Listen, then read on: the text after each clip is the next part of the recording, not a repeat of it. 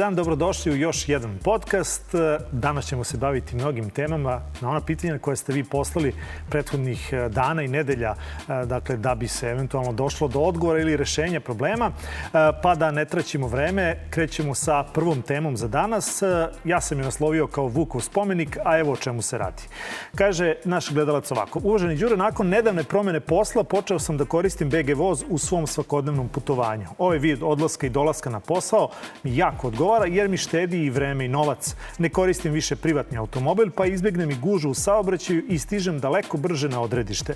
Ono što zapažam je da se nakon dolaska voza u stanicu Vukov spomenik uglavnom stvori gužva ispred jedinih pokretnih stepenice koje vode putnike van stanice. Pitanje se samo nameće zašto se treće stepenice ne koriste za tu namenu. Napominjem da nikada nisam video da su u upotrebi.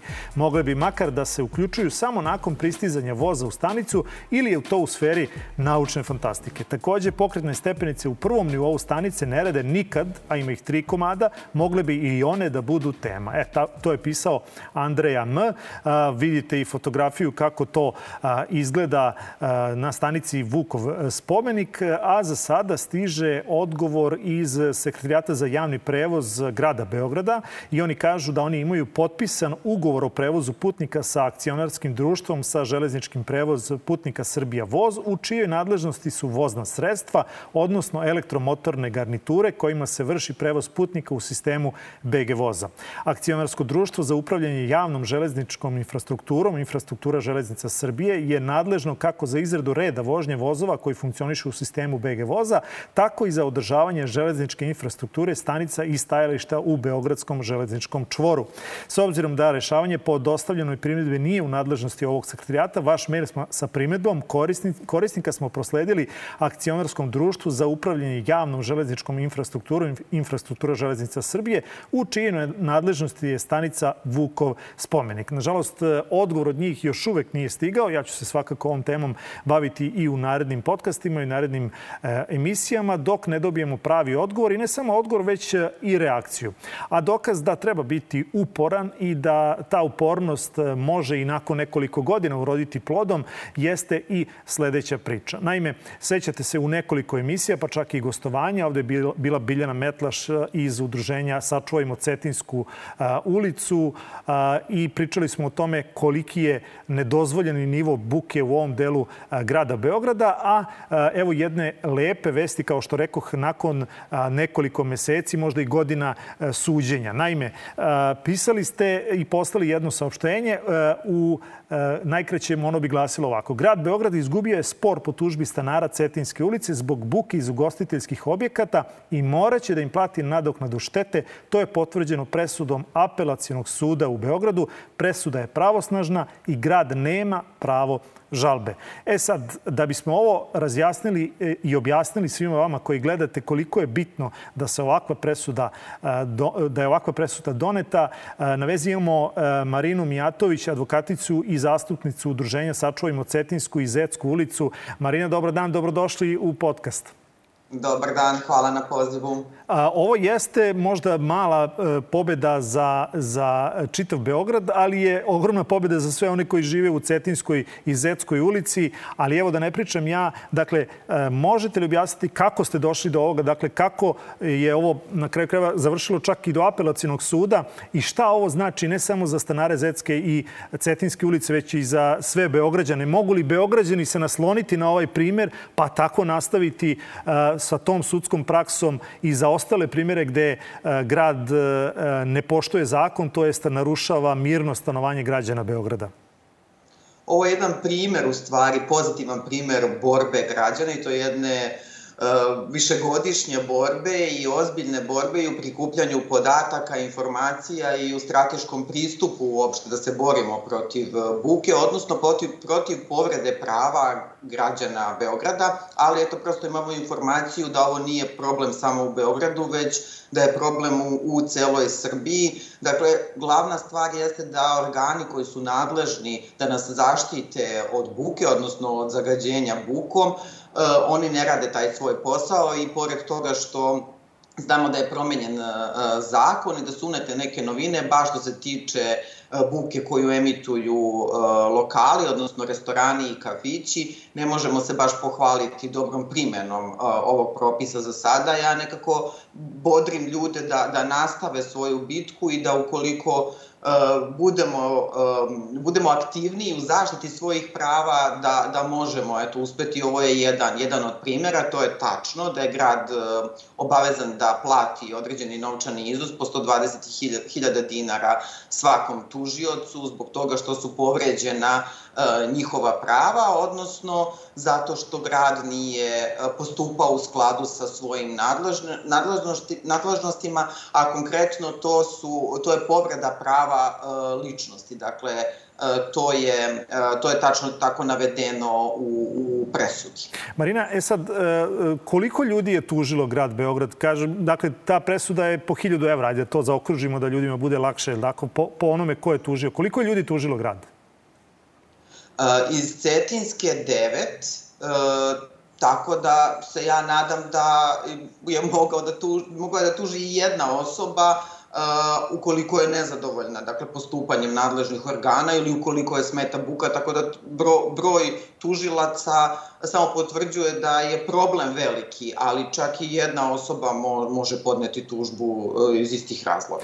E sad, ovih, dakle, ovih 9000 evra, dakle, to neće e, naštetiti mnogo gradu, ali hoće građanima. Dakle, ako se e, ljudi ovim primjerom pouče pa krenu da tuže grad, šteta može biti višestruko veća. Zašto ovo govorim? Da li će ovaj novac e, građana biti e, isplaćen iz gradskog budžeta ili će ovde neko odgovarati svojom platom. Dakle, da li će odgovorno lice od svoje plate odvojiti od ovih 120.000 dinara po osobi neki svoj novac ili ćemo svi mi zajedno e, platiti ono što grad nije radio kako spada? Svi mi zajedno. To i jeste i, i poruka i građanima da budu svesni da sve ono što plaća grad Republika Srbija, da je to naš novac da to nije novac nekoga koji je odgovorno lice u određenom organu i da treba i to negde da imamo na umu i da treba zbog toga da se izborimo za ta svoja prava, a grad, odnosno Republika Srbija, e, treba da preuzme e, odgovornost, odnosno da natera svoje nadležne organe da rade svoj posao, tako da nećemo imati razloga da podnosimo tužbe da bismo zaštitili svoja prava.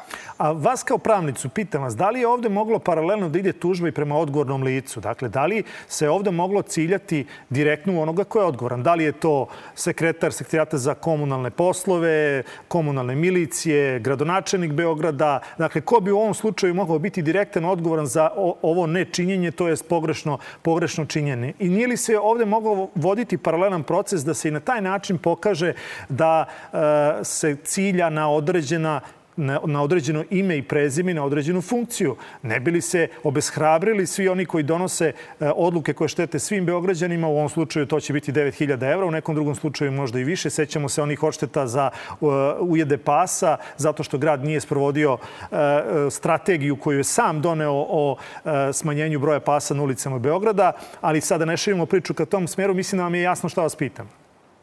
Tako je, da, da li postoji pojedinačna odgovornost u stvari. Da, mi smo podnosili i krivičnu prijavu, nismo navodili tačno lice, to smo tražili od tužilaštva da utvrdi tačno ko je odgovoran za nepostupanje, međutim ta krivična prijava je odbačena jer nisu smatrali da ima elemenata. Mi smo dakle probali prekršajne postupke, baš to što vi kažete, za pojedinačnu odgovornost, to smo prijavljivali i ekološkoj inspekciji koja je morala utvrditi odgovornost pojedinog lica, ali nekako ova parnica je dala najbolji, najbolji rezultat i verujem da i drugi organi koji su nadležni da postupaju po našim prijevama gledaju da prosto izbegnu da se utvrdi ta pojedinačna odgovornost. Ali mislim da je negde za građane e, potrebno da znaju da je ovo ne samo sankcija za grad Beograd, nego da praktično se sankcionišu i svi građani koji izdvajaju svoj novac od poreza za, za, u, u budžet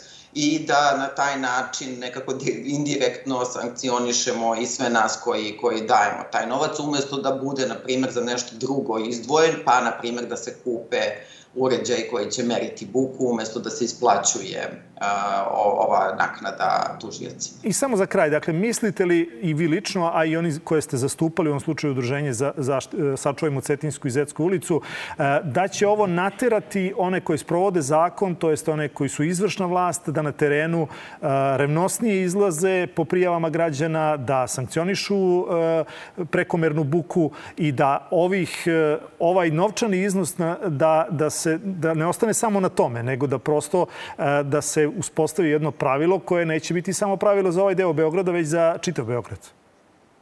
E, mi smo zbog toga i pokrenuli ovaj postupak, ne samo iz ličnog interesa e, građana, odnosno stanovnika Cetinske, već da ovo bude jedan pozitivan primer i da nadležni organi počnu da rade svoj posao, da bude ovakvih tužbi e, manje, a opet se vraćam i na novi zakon koji detaljnije reguliše njihova ovlašćenja i ja se nadam da će ova jedna presuda, pravnosnažna presuda biti sasvim dovoljna da pozove nadležne organe da eto, efikasnije zaštite prava svojih građana. Marina, hvala vam puno na izdvojenom vremenu i na odgovorima. Dakle, nadam se da će ovakvih primjera biti još. A vama želim e, svaki uspeh u, u, u daljem radu i u borbi za prava građana.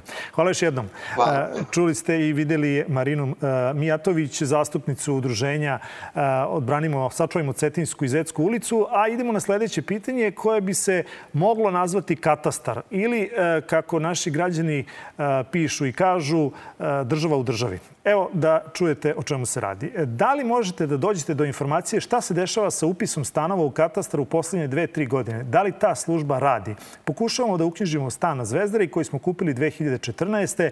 Sad gledate kada je navela broj predmeta, neću ga čitati jer u suštini nije ni bitan. Sve čisto razloge zašto nismo žurili. Predali smo zahtev 2020. u februaru, gotovo dve i po godine traje agonija. Do dana današnjeg ništa nisu uradili. Pisali, zvali, odlazili, molbe, čuda, ništa. Čuli smo da se to radi jer se daje prioritet novogradnjama kako bi na tržištu bile konkurentnije. Takođe smo čuli da možeš i da platiš nekome pa ti uknjiži stan. Da li je moguće da dve i po godine služba ne radi svoj posao. Eto, dakle, to je bilo pitanje gledateljke. A e, ja sam e, dobio e, jedan odgovor koji ću nazvati nezvaničnim, zato što osoba koja mi je postala ovaj odgovor radi u katastru, ali nije želela pred kamere, niti je želela da potpišem ko je dao odgovor. Ali na kraju krajeva vidjet ćete u samom odgovoru da je ovo na neki način i stav Republičkog geodetskog zavoda, to jest popularnog katastra. U odgovoru piše ovako. Imajući u vidu da je stranka kupila stan 2014. godine, osnova upisa u katastar nepokretnosti je taj kupoprodajni ugovor iz 2014. godine i zbog toga se taj zahtev rešava u skladu sa zakonom o državnom premeru i katastru. Prema tom zakonu, stranka je bila dužna da zahtev za upis u katastar podnese u roku od mesec dana nakon kupovine. Međutim, kako vidimo iz priloženog maila, stranka je podnela zahtev sa zakašnjenjem od šest godina, odnosno 2020. godine. Takvih slučajeva ima mnogo.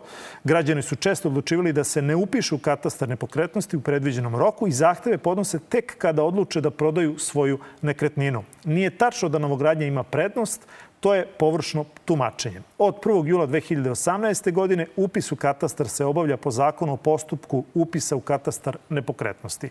Od tog datuma stranke više nemaju mogućnost da donose odluku da li žele ili ne žele da se upišu u katastar, već u trenutku overe kupoprodajnog ugovora kod notara, notar po službenoj dužnosti dostavlja ugovor i zahtev za upis u katastar nepokretnosti.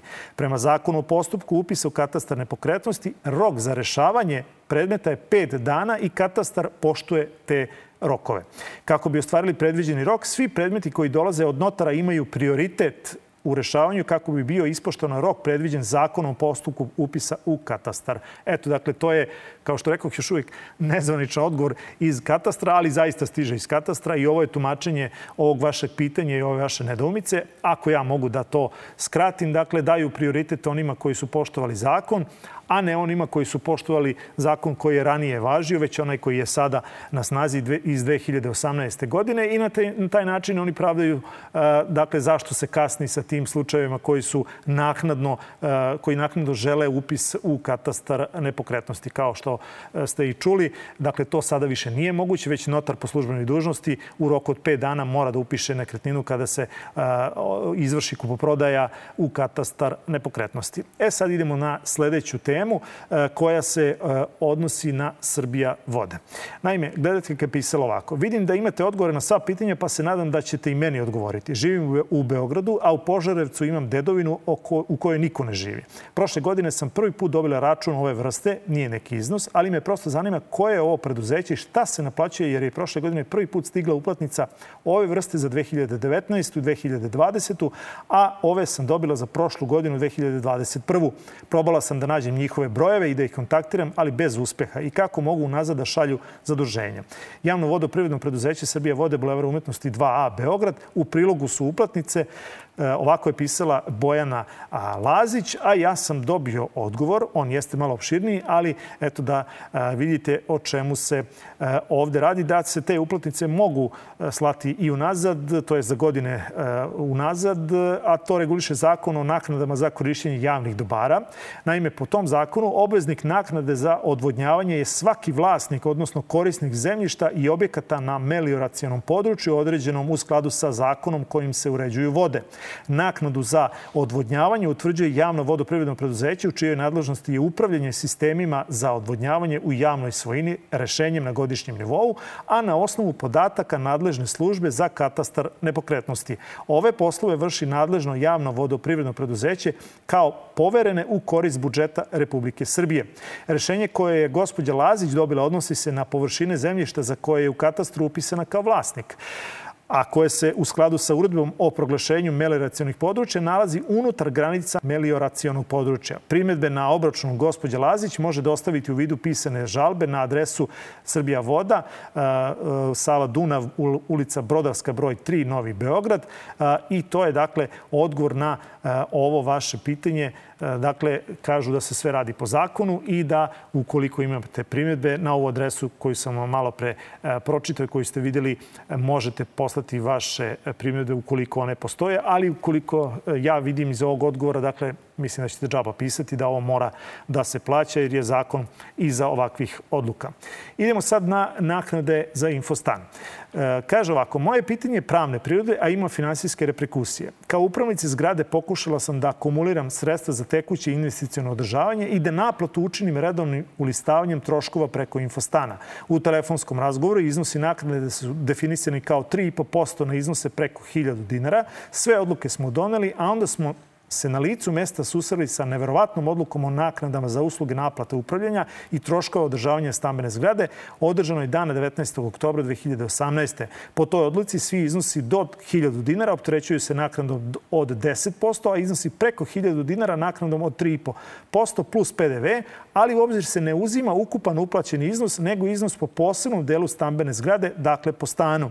Ova odluka navedena kao na osnovu člana 40 stav 1 tačka 10 statuta javnog komunalnog preduzeća Infostan e, i sednice dana 19. oktobra 2018. nigde nije izlistana. Iako se ugovor potpisuje sa stambenom zajednicom, što podrazumeva da se na račun Infostana uplaćuje ukupna suma od otprilike 11.500 dinara za svih osam stanova, određeni iznos za tekuće investicijono održavanje, ali to ne znači naplatu troškova listavanja od 3,5%, nego 10% jer se naplaćuje svakom stanu pojedinačno. Cena je u razgovoru definisana kao troškovi slanja koverata i markica. Na pitanje o sandučetu i digitalizaciji nije bilo odgovora, kao i na pitanje o ugovoru sa stambenom zajednicom sa svakim vlasnikom pojedinačno takođe. Pitanje je da li postoji mogućnost da se ospori ova očigledno nelogična odluka nadzornog odbora javnog komunalnog preduzeća Infostan. To pita Anđelka Antonić, upravnica stambene zajednice kapetana Radića Petrovića 18. A, a, a ono što sam ja dobio kao odgovor iz udruženja efektiva koje štiti potrošače, a ovo svakako i može ući u neku vrstu potrošačkog spora, je za za sada sledeće. Ovde se radi o potencijalnoj saradnji dva pravna lica, pa nema mesta primjeni zakona o zaštiti potrošača. Infostan je dao uslove po kojima prihvata obavezu naplate troškova stambene zajednice, pa druga strana to može da prihvati i ne mora. Postavljene granice za proviziju možda ima, a i možda nema, ekonomsko opravdanje, ali predstavlja komercijalnu ponudu koju druga strana ne mora da prihvati. Eto, tako odgovara Dejan Garvilović iz Udruženja Efektiva. E, drugim rečima, e, očigledno ste bili unapred upoznati sa ovim. Ako niste, ja bih rekao da je ovde nadležan e, sud. Čekam još odgovor od advokata da vidim šta će oni reći na, na sve ovo, pa se nadam da ću kompletirati i da ću vam na taj način pomoći, ali kažem još uvek nije stigao odgovor i od advokata na ovo vaše pitanje. Idemo na sledeću temu. Ona se odnosi na semafor. Ovoga puta semafor u Zemunu, već smo ga pominjali, ali bar sad znamo ko je nadležan i ko će, ja se nadam, reagovati. Naime, pisali ste ovako, e, Zorica je pisala, poštovani Đuro, slušamo vas već skoro 15 godina, zanima me hoće li se ikada rešiti problem semafora na autoputu kod plavih horizonata u Zemunu. Naime, nesnosne gužve, naročito od otvaranja Pupinovog mosta, niko ništa ne preduzima godinama, a autoput stoji zbog 10 automobila koji izlaze iz ovog naselja. Semafor isto drži zeleno i za autoput i za naselje. Minut. Molim vas, pomozite, srdačan pozdrav Zorica. Ono što su meni odgovorili iz javnog preduzeća Putevi Beograda je sledeće. Sekretarijat za saobraćaj je nadležan za izdavanje rešenja za tehničko regulisanje saobraćaja na osnovu kojeg se saobraćajna signalizacija postavlja na javnom putu, što podrazumeva i izmenu režima rada svetlosne signalizacije na predmetnoj lokaciji. Na predmetnom potezu je u prethodnom periodu uočen problem sa funkcionisanjem linijske koordinacije svetlosne signalizacije, na osnovu čega je javno preduzeće Putevi Beograda izdalo nalog za dovođenje u funkcionalni režim postojeće linijske koordinacije. Nakon realizacije naloga na terenu, a u cilju dodatnog poboljšanja funkcionalnosti linijske koordinacije na predmetnom potezu, Sekretarijat za saobraćaj je izdao rešenje o tehničkom regulisanju saobraćaja za korekciju rada svetlosne signalizacije na raskrsnici Novosadski autoput Plavi horizonti, a koje je na terenu realizovano dana 26. aprila 2022. godine. Rad svetlosne signalizacije organizacije nakon korekcija će se dodatno pratiti od strane nadležnih službi. Dakle, drugim rečima, zajednički smo, ja se nadam, rešili ovaj problem i ovo zeleno svetlo za one koje gde gušći i veći saobraćaj će biti i tekako duži, dakle duže će trajati, a za ove koji dolaze iz naselja morat će malo duže da sačekaju. Dakle, vi sa terena, molim vas, javite da li se stanje na terenu ovako kako pišu i zaista popravilo. E sad idemo na još jedno pitanje koje je na neki način imalo nedoumicu već nekoliko puta. Ovoga puta stiže odgovor iz gradskog stambenog, a evo o čemu se radi. Naime, gledateljka je pisala ovako. Stan u potkrovlju o kome govorimo je zapravo mansardni stan, znači stan u mansardnom krovu. Da li sanacija lođe i terase, manje i veće terase, takvog mansardnog stana potpadaju u nadležnost upravnika zgrade ili isključivo u nadležnosti vlasnika stana? Šta je pravo i obaveza mojih komšija, a šta upravnika stambene zajednice, jedinice. Ja živim na petom spratu, iznad nas se nalazi stan u potkrovlju sa koga je prokišnjavao naš stan. Vidite fotografije kako to izgleda. Dakle, to je taj mansardni stan, kako ga gledate zove. Pa, e, dakle, da idemo na odgovor e, Dragani Grujičić iz komunalnog stambenog. Oni kažu ovako, to jest iz gradskog stambenog. Malo je teže odgovarati ne znajući adresu zgrade ni da li je ista u našem sistemu održavanja, ali ćemo vam na osnovu datih podataka odgovoriti što je moguće preciznije. Ukoliko zgrada ima potpisan ugovor o održavanju sa ovim javnim preduzećem, onda se našim nadležnim službama upravnik e, obraća u vezi zajedničkih delova stambene zgrade. Dakle, u ovom slučaju krova, oluka, limenih e, opšiva na zajedničkim delovima zgrade. Što se tiče spornih terasa, upravnik je u ovom slučaju u pravu. One pripadaju vlasniku stana i on je u obavezi da iste održava tako da ne ugrožavaju komšije, odnosno druge korisnike zgrade. Odre, e, ograđujemo se samo u tom smislu što naše službe nisu bile na licu mesta, pa odgovor dajemo na osnovu opisa vašeg gledaoca. Što se tiče refundacije sredstava koji potražuje stanar koji je zapravo platio ono što je trebalo da sanira komšija, taj deo je već u domenu međuljudskih odnosa unutar sta svake stambene zajednice, u šta ovo preduzeće nema moralnog ni zakonskog osnova da se meša. Najbolja opcija svakako je komšijski dogovor, a krajnje pokretanje privatne tužbe, što je već u nadležnosti pravosudnih a, institucija. Eto, to su odgovorili iz gradskog stambenog na ovo pitanje. Dakle, bar znamo koja je čija odgovornost i obaveza, pa shodno tome postupajte i vi. Dakle, sad znate šta vi morate da platite, a šta ostale e, komšije u zgradi i šta je ovde pravo, a šta obaveza upravnika zgrade. Toliko za e, ovaj podcast, za ovu emisiju. Dakle, bilo je nekoliko odgovora. Za neka pitanja još uvek čekam zvanične odgovore, pa se nadam već u sledećoj nedelji da ćete ih imati. A vi naravno pišite i šaljite vaše probleme i pitanja na Viber broj 069 893 0023 ili pitanje šaljite na Facebook, Instagram Twitter mrežu Pitajte Đuru ili na e-mail adresu pitajteđuru.nova.rs.